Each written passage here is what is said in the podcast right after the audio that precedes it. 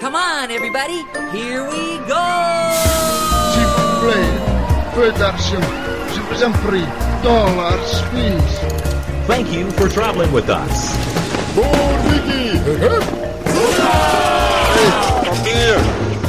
Papier. Hier. Het is weer ochtend in Pretparkland. Goedemorgen pretparkland en welkom bij je ochtendelijke pretpark podcast. Mijn naam is Ellen Taats en vandaag halen we herinneringen op aan van de Ven.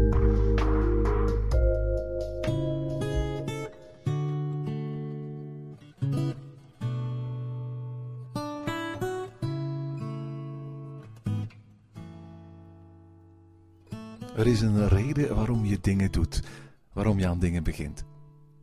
Elk van ons bij Ochtend in Pretparkland is opgegroeid met een ander thuispark. Voor de een was dat Meli, voor de ander Walibi, Bellewaarde of Bobbejaanland. Maar voor elk van ons was er één ander park dat ons steeds weer naar onze pretparkhobby deed terugkeren. En dat park was, dat park is de Efteling. En het waren bij uitstek de attracties die Ton van de Vens scheppende hand tot leven bracht, die bij ons het vuur voor onze hobby steeds weer deden aanwakkeren. Zonder Ton van de Ven en zijn creaties zouden we wellicht op een bepaald moment te oud voor onze thuisparken geworden zijn. De ontwerpen van Ton van de Ven waren in dat opzicht anders. Die bleken volwassener, beter tegen de tijd bestand en als goede rode wijn met het verstrijken der jaren ook steeds beter te worden. Het is met veel respect dat we met deze aflevering het glas heffen op een van de allergrootste uit pretparkland zonder wie onze pretparkpodcasts nooit zouden hebben bestaan. Het is dankzij Ton van de Ven dat wij een beetje werden wie we zijn. Wij van Ochtend in Pretparkland, wij doen wat we zo graag doen. Mede dankzij Ton. Ton van de Ven overleed onverwacht op 16 september 2015. Toen hij in 2003 de Efteling verliet, liet hij een indrukwekkende erfenis achter. Attracties als Villa Volta, Fata Morgana, Droomvlucht en het Volk van Laaf en sprookjes als de Trollenkoning, Rapunzel en de Chinese nachtegaal kwamen van zijn aan Anton Pieck geleende hand. We kunnen alleen maar hopen dat de Efteling Ton van de Ven ooit een waardige plaats in het park geeft. Bij zijn afscheid in 2003 verscheen zijn foto in een van de voorshows van Villa Volta, iets wat anachronistisch gezien de attractie zich afspeelt in een tijdperk waarin fotografie nog niet bestond. En kreeg een deel van een plein dat al een naam had, de Sint-Nicolaasplaats, op zijn minst halfslachtig nu ook zijn naam. We hebben lang nagedacht over hoe we Ton van de Ven het best in onze podcast konden eren. Sommigen van ons hebben hem ontmoet en natuurlijk konden we daar herinneringen aan ophalen. Of we konden een wat luie opsomming maken van onze favoriete Ton van de Ven attracties, maar we hebben ze al allemaal uitgebreid in een podcast behandeld, dus dat hoefde niet meer. Daarom spreek ik in deze aflevering met iemand die hem beter dan wie dan ook van ons persoonlijk gekend heeft. Eerst als collega, later ook en vooral als vriend. Lex Lemmes, oud-projectmanager R&D bij de Efteling, werkte met Tom van de Ven.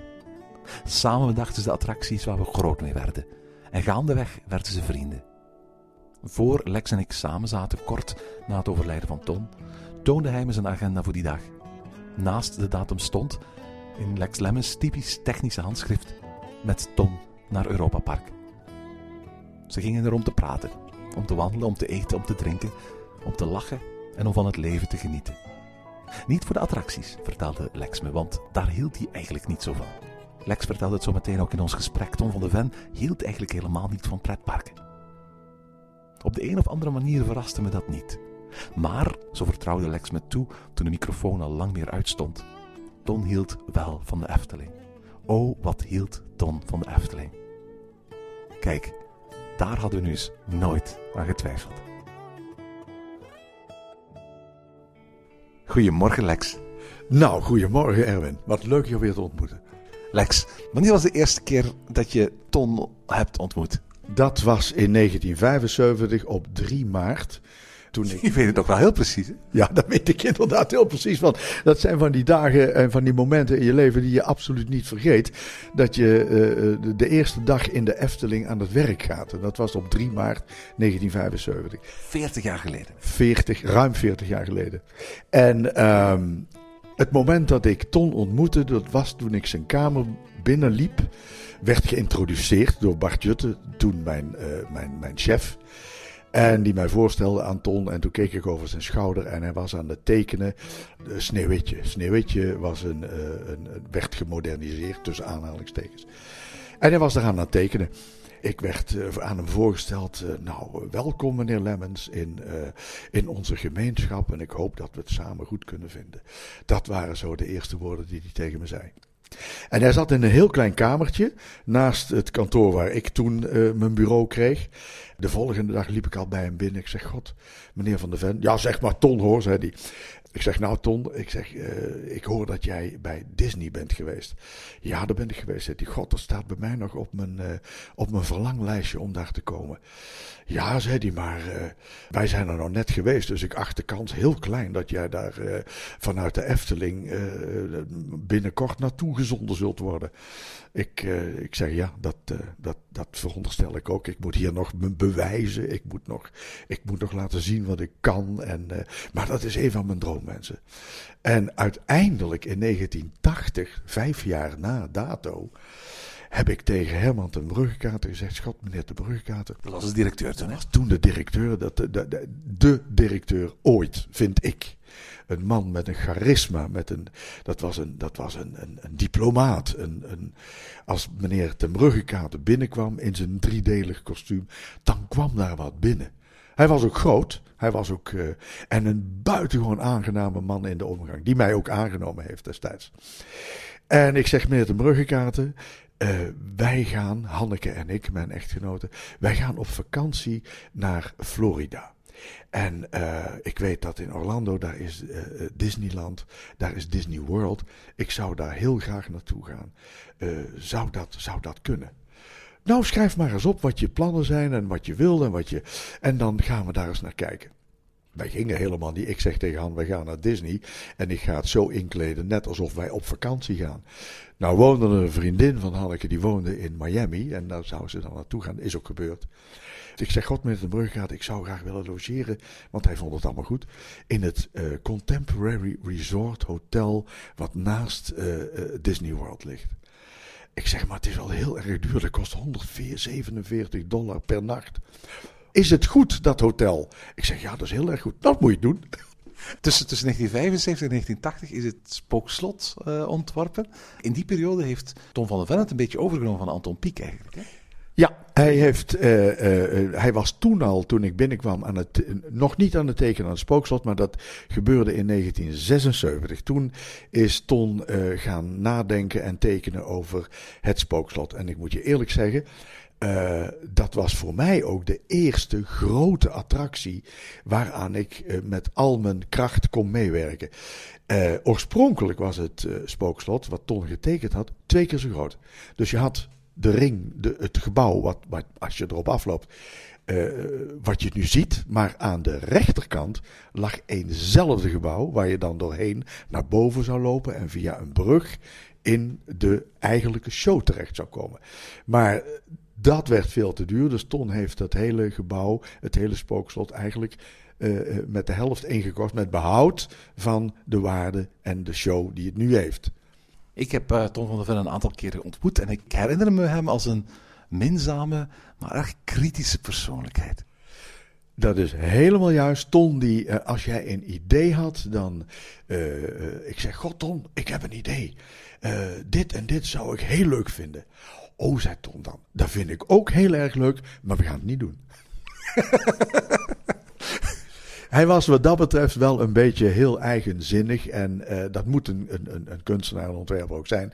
Hij was eigenzinnig, hij was, uh, maar wel heel innemend. Hij, uh, hij luisterde, maar hij had ook goede, echt goede technische ideeën. Had toch een, een, een, een technisch inzicht waarvan, wat, wat je van een ontwerper eigenlijk niet verwacht. En daar kwam hij dan mee voor de dag. En dan zei hij tegen mij: Ik denk dat dit moet kunnen. En dan keek ik ernaar en dan zeg ik: Ja, Ton, uh, ik moet er even over nadenken. Nee, maar zo, zo moet het. Zo, zo denk ik dat het kan.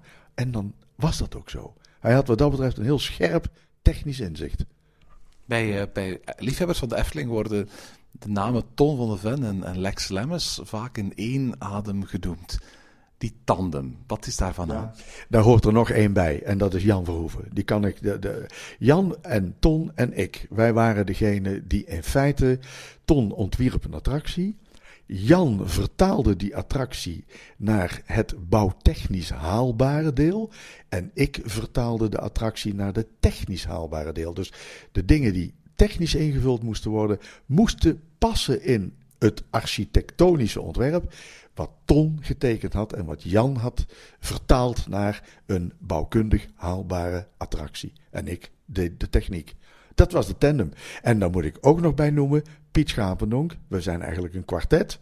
Piet deed de buitenruimte invullen. Die vulde de tuin in. Die zorgde dat er de mooie bomen kwamen. Dat de waterpartijen erbij bedacht werden. En dat was zijn werk. Dus eigenlijk een kwartet. Je noemde hem al, eh, Herman ten Bruggekaten. De directeur die jou heeft uh, aangeworven. Ook de directeur die uiteindelijk de beslissing genomen heeft voor de, voor de Python. Wat uiteindelijk een attractie was die helemaal buiten het, het keurslijf van Anton Pieck uh, viel. Hoe stond Ton van de Ven daar tegenover? Heel erg duidelijk en heel positief. We zaten op een, op een, op een wissel, op een kruispunt. En als we de Python niet zouden hebben aangekocht, de Efteling gebleven zou zijn tot een regionaal sprookjesbosje. En de Python heeft ervoor gezorgd, en dat was toch wel de, de voorzienigheid, uh, uh, het inzicht van ten Bruggekaten, met Tom van de Ven, moet ik eerlijk bij zeggen, om die stap te zetten. En ik vertel een anekdote erbij. Na, na het spookslot ging ten Bruggekaten op een studiereis naar Amerika. En die belandde toen in uh, Busch Gardens, The Old Country. En daar ontmoette hij een attractie en dat was Loch Ness Monster. En dat was een achtbaan van uh, Arrow. En Arrow had daar een achtbaan neergezet die architectonisch zo fraai was, waarbij er twee loops in elkaar geweven waren. En die achtbaan was zo geprogrammeerd dat de twee treinen die in de baan reden elkaar in die twee loops ontmoetten. Hij komt terug naar uh, Nederland en hij laat een foto zien van deze Loch Ness Monster, deze achtbaan aan mij. Hij zegt, uh, wat vind je hiervan? Ik zeg, meneer de Brugade, fantastisch. Maar ja, dat zal wel nooit op de Efteling kunnen worden gebouwd, zoiets. Ik denk, ja, we zijn een sprookjesbos, dus we hebben een speeltuin, we hebben draaimolens, we, we, we hebben een stoomcarousel. Uh, Zo'n fantastisch ding. Nou, zei hij.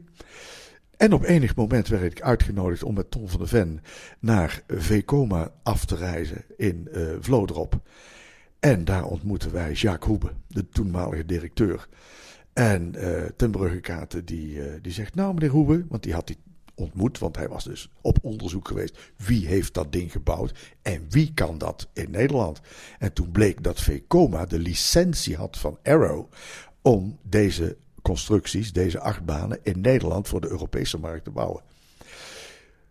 Wij zaten op het kantoor van uh, Jacques Hoebe en hij legt een boek voor ons waaruit wij dan een achtbaan konden kiezen. En we zitten dat boek door te bladeren en dat zijn dus allemaal standaard achtbanen die uh, Arrow in zijn, in zijn catalogus had. En we bladeren er doorheen en hij komt bij uh, de vierde, de, de tweevoudige loopingbaan met corkscrew en Byron Couve. Nou, zei Herman de Breukade, deze vind ik wel, deze vind ik wel wat. Maak daar maar een offerte voor. Die offerte komt. Het wordt uitgewerkt. Ton maakt er een verhaal bij. Het wordt ingebracht in het bestuur van de stichting. En het wordt beklonken. En in 1981 hadden wij de Python. In 1981 hadden jullie ook de gondoletta. En, en in, als ik de, de, de, de boeken lees, dan lees ik altijd van dat de gondoletta er eigenlijk gekomen is omdat jullie op zoek waren naar een, een, een ritssysteem voor een dark ride. En dat die er eigenlijk gekomen is omdat jullie daar een soort van proefopstelling voor de Fata Morgana wilden hebben. Maar typisch Ton van de Ven, eigenlijk was dat niet zo, hè? Nee, um, de gondoletta was natuurlijk een transportsysteem wat uh, wij wel wilden inzetten voor een attractie die nog geboren moest worden. Dat is Fata Morgana. Ton was toen wel na aan het denken over Fata Morgana. Maar uh, die gondoletta wilden we eigenlijk veel eerder hebben. En uh, Ton heeft een tekening gemaakt waarbij de Fata Morgana is gesitueerd op een eiland in de Siervijver. En daar liep de gondoletta doorheen. Dit was de truc om het bestuur de beslissing te laten nemen om de gondoletta alvast in de siervijver neer te leggen. Jullie waren er nooit van plan om daar Fata Morgana te bouwen. Absoluut niet. Het was absoluut ondenkbaar dat een gebouw als Fata Morgana op die locatie levensvatbaar zou kunnen zijn. Absoluut niet. Is dat typerend voor, voor, voor de werkwijze van Tom van de Ven? Dat was typerend voor, uh, laat maar zeggen, een, een slimme zet om een attractie die vredelievend je door de natuur heen uh, uh, verplaatst op een hele rustige, kabbelende manier. En je een, een 20 minuten rust brengt in jouw snelle gang door het park. Om zo'n gondoletta min of meer af te dwingen. Nadat de Python geopend werd, verschijnt daar ineens, ik heb het zelf nooit actief meegemaakt, maar verschijnt daar ineens carnavalfestival aan de horizon van de Efteling. Iets waar, waar Tom van de Ven niks mee te maken had. Wat, wat, hoe, hoe, hoe keek hij daar tegenaan, tegen die beslissing?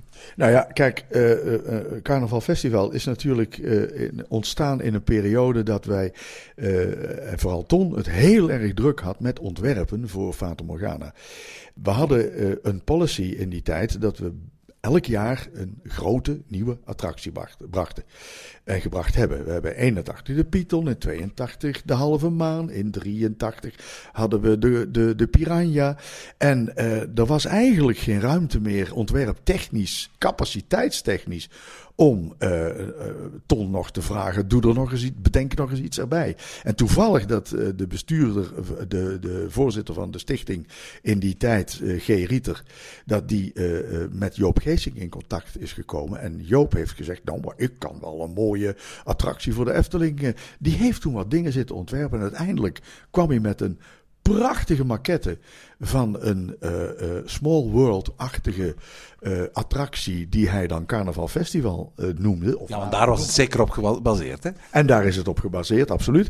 En hij heeft de goedkeuring gekregen om die attractie turnkey te bouwen. Al vlug kwam hij erachter, Joop. En dat, overigens is Joop een hele goede vriend van mij geworden in die tijd. En ook veel te vroeg overleden. Uh, gelukkig kwam Joop erachter dat hij natuurlijk alle technische vaardigheid miste om zo'n uh, Dark Ride te bouwen. En uh, dat hij daar de steun van de Efteling bij nodig had, dat werd heel vlug duidelijk. En heel vlug heeft hij dus ook mij als ingeschakeld om hem daarbij te assisteren en te helpen. Dus zo turnkey was het eigenlijk niet? Nee, dat was absoluut niet meer het geval, nee. En Tom van der Ven, hoe, hoe stond hij tegenover zo'n stijlbreuk in het park? Hij heeft het uh, uh, zeer zeker geaccepteerd, maar hij had het natuurlijk erg druk met het ontwerpen en het voorbereiden van uh, Fata Morgana. En in feite staat ook Carnaval Festival op een plek waar het niet detoneert ten opzichte van alle andere, laten we zeggen, ontwerpen van Ton en van Piek. Ik vind Fata Morgana het beste dat de Efteling ooit heeft gemaakt. Ik vind Fata Morgana één van de beste dingen. Maar Droomvlucht is voor mij nog steeds een attractie die. Uh, niet omdat ik daar nou ook zo intensief, net als bij Fata Morgana, heb mogen meewerken. Maar het is geen sprookje. Het is een samenballing van situaties die in de verbeelding van een heel groot kunstenaar ontstaan zijn. En daarmee bedoel ik Ton. Fata Morgana is een Oosterse uh, wereld die natuurlijk opgebouwd is uit een aantal scènes. Maar Droomvlucht heeft zijn kracht door de fantasierijke ruimtes waar je door zweeft en die alles aan je verbeelding ontlokken. Ook al ben je niet de ontwerper geweest van de attractie. Zeg je nu zelf dat, dat, dat Droomvlucht dichter bij Ton van de Ven ligt dan Fata Morgana? Ja, ik denk dat Ton daar uiteindelijk heeft laten zien dat hij uh, volledig onafhankelijk zijn ontwerpen uh, heeft laten ontstaan. En dat de goedkeuring is verleend op vijf tekeningen voor deze attractie, dat is uniek.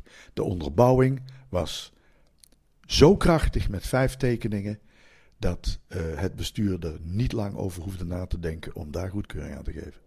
Ja, want wij kennen natuurlijk Tom van der Ven vooral als een, een ontwerper via zijn tekeningen en via de attracties die wij zien. Maar achter de schermen was hij natuurlijk ook creatief directeur. Ehm, Ton was als directeur eh, de aanvullende, corrigerende kracht binnen de directie. En met name corrigerend en remmend. Omdat eh, de directie af en toe wel eens een kant op wilde die, eh, waarvan Ton zag, dit is heilloos.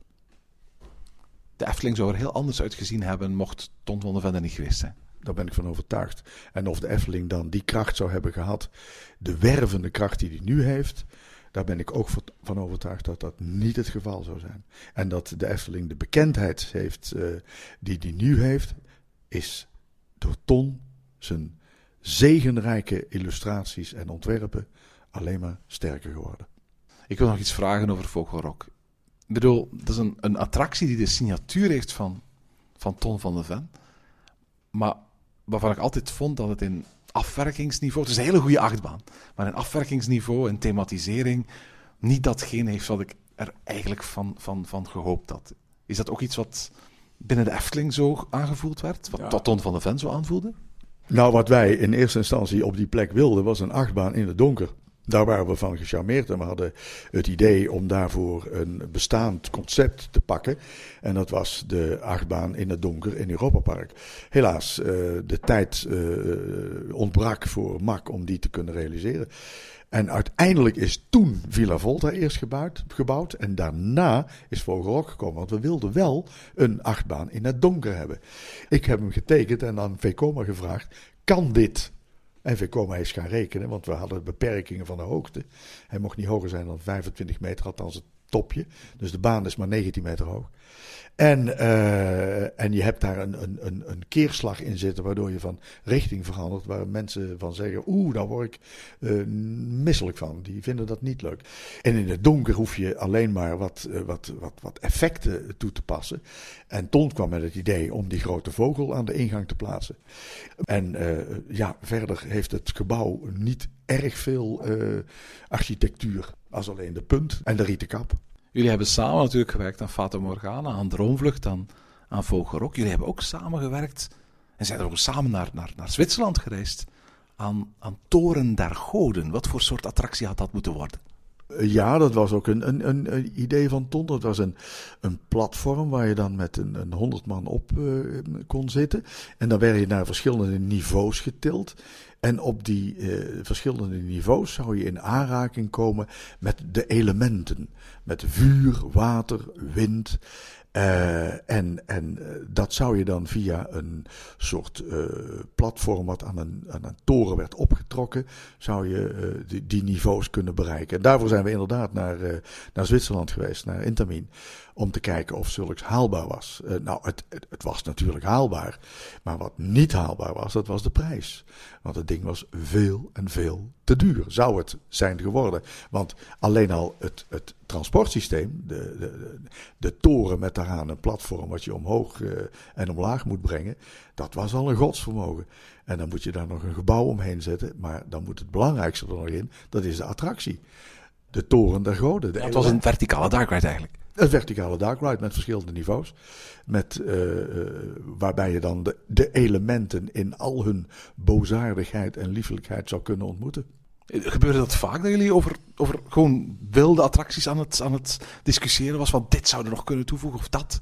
Ach, je, hebt, je zit natuurlijk wel eens te filosoferen en dan, uh, dan gaat de fantasie remloos los. Uh, bij, bij, bij Disney heette dat de Blue Sky discussies, de Blue Sky sessions. Wij hebben daar niet zoveel uh, tijd aan besteed. Meestal was het toch aan concrete ideeën, concrete dingen die haalbaar waren. En je niet verliezen in, in onhaalbare constructies en geen proven technology die je, die je dan wilde inzetten. Meestal is, had Ton toch de, de, de opdracht en het idee om, om een attractie te bedenken en uit te voeren. Dat wel. Dingen staan, ontstaan spontaan. Uh, in de stoel, kijkend naar de televisie, uh, fietsend. Uh, je ziet wat, je, je denkt, oh, daar kan ik wat mee. het geval van Villa Volta is natuurlijk een, een, een, een idee van Ton om het al oude, bestaande, draaiende huis in, in absurde dimensies eh, eh, te bouwen. Eh, dat soort dingen ontstaan veelal spontaan. Dat idee heeft ook heel erg lang meegegaan, hè? Ja, omdat natuurlijk bij Villa Volta ontstond, eh, ontstond niet, was er wat weerstand. Omdat eh, de ervaringen met een, een draaiend huis veelal, eh, en dan bedoel ik dat niet negatief, maar mensen kwamen daar wel misselijk uit. De Duitsers noemden dat zelfs de kotsmachine. En alleen in deze afmetingen, zoals Ton die bedacht had, heeft dat totaal andere uitwerking gehad. En ik moet eerlijk zeggen, Ton had de voorzienigheid dat hij vond dat dat wel kon. En dat mensen daar niet ziek en misselijk uit zouden komen. En dat is ook zo. Was Tom van der Ven eigenlijk een, een pretparkliefhebber? Eh, nee, hij was eh, totaal geen pretpark. Hij zou nooit naar attractieparken toe gaan. Ook niet in zijn vrije tijd. Ook niet in zijn vrije tijd. Nee. Beroepsmatig, natuurlijk ja. Maar in zijn vrije tijd, eh, nee. Was hij klaar met de Efteling? Klaar ben je nooit. Op het moment dat je zegt van ik ga de Efteling verlagen, verlaten en ik ga het stokje overdragen, dat je het even, even los moet laten en losgelaten hebt, ja. Maar het blijft altijd bij je. Bij Ton, bij mij, bij iedereen die de Efteling eh, heeft verlaten en eh, daarop terug kan kijken. Jullie zagen elkaar nog vaak, hè? Wij zagen elkaar erg vaak. Eh, we deden samen nog wat advieswerk. Eh, we hebben samen Europa Park gedaan, Fantasialand, Tripstriel. Veel gelachen, veel pret gehad. En ja, we belden elkaar gewoon spontaan op. Hey, hoe is het met jou? Wat, ben je aan het doen? Dat deden we. Vo- Volg je dan nog de, de Efteling op? Ik ga zeker vaak op bezoek en Ton deed dat ook.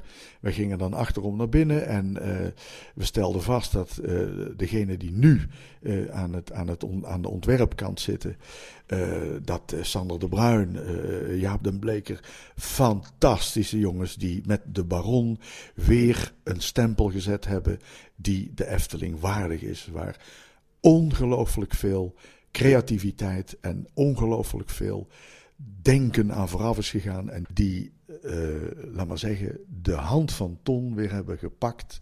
En het, de ontwerpen neerleggen zo, zoals die door Ton ook zouden zijn kunnen bedacht. De allerlaatste keer dat ik Tom van der Ven gezien heb, was toen hij op een, eh, een donderdagmiddag, ik geloof vorig jaar in november of zo, eh, naar de Efteling was geweest om te, te, kijken hoe de, de nieuwe letters van Efteling aan zijn Huis van de Vijf Zintuigen was eh, toegevoegd. Toen kwam ik heel toevallig tegen en, en hij herkende mij en ik vroeg hem van, eh, en wat vind je ervan? En zei van, moi, is wel aardig. Ja, dat, dat, dat is typisch Ton. Dat is typisch Ton. Die zal nooit uitbundig en euforisch. eh, eh, maar als hij dat zegt, dan is hij het er volledig mee eens. Anton Pieck had de gewoonte om, als hij iets niet mooi vond, dan zei hij van, oh, dit is heel mooi gedaan. Maar, en als je dat hoorde, dan wist je dat je het volledig kon afbreken. Ton die ging altijd eh, te werk van, ja, maar als we dan dit, eh, als wij dat zeiden, dan zei hij, oh, maar dan zal ik het zodanig veranderen dat het wel kan. Hij corrigeerde in meewerkende zin, absoluut. Zonder dat de kern werd verlaten. Hoe keek Ton van der Ven terug op zijn, zijn werk? Hij noemde het altijd maar wat eh, eh, gevreubel. En hij mocht dat doen met de geleende hand van Anton Pieck. En wat dat betreft heeft hij altijd gezegd dat hij in dienst was van en heeft zich nooit dingen eh toegeëigend van kijk eens wat ik gedaan heb. Nee, het was min of meer altijd gevreubel en knutselen. Heb je de indruk dat, dat Ton van der Ven een soort visie had voor hoe de Efteling eruit hoor- hoorde te zien? Absoluut. Hij noemt het altijd een, een, een, een samenloop van toevalligheden die de Efteling hebben eh, laten worden wat het nu geworden is. Maar je moet absoluut spreken. Ton was een groot visionair en dacht de dingen die de Efteling, bedacht de dingen die de Efteling nodig had. Absoluut. Het moment eh, toen, ik, toen ik geïnformeerd werd over zijn overlijden, nou dat was een klap. We waren ook vrienden. Nadat we allebei eh, uit de actieve dienst van de Efteling getreden zijn. Hij in, drie, eh, in drie, eh, 2003 en ik in 2005. We hebben samen veel pret gehad. Ik denk dat niemand het had zien aankomen dat, dat, dat, dat Ton ons zou, zou, verlaten. Ik neem aan dat ook voor jou een, een grote schok was om het te horen. Dat was een hele grote klap. En eh, eh, wij werden gebeld door de zoon van Ton Mark. En eh, die trof mij niet aan de telefoon, want ik zat op dat moment zelf in een begrafenis. Maar toen ik die begrafenis uitkwam, toen zag ik dat er veel mensen, waaronder Hanneke, die hadden mij gebeld. met spoed terugbellen. En toen hoorde ik dat Ton dus plotsklaps overleden was. En ja, ik ben dan even het strand opge, opgelopen en heb de zee wat aangevuld. Wij zijn een vriend verloren. En, en natuurlijk een oud collega, maar vooral een vriend. Een grote vriend die, uh, waar we erg veel humor en uh, erg veel samen mee hebben gelachen. Dit gemis, dat moet nog een plaats krijgen. En tot zover deze aflevering van Ochtend in Pretparkland. Heb je vragen of opmerkingen? Mail ons dan via ochtend.pretparkland.be. Meer informatie over onze podcast vind je terug op www.pretparkland.be en nieuwe afleveringen download je via onze website of via iTunes. Ochtend in Pretparkland is de pretparkpodcast voor vroege vogels. Bedankt voor het luisteren en maak er een fijne dag van.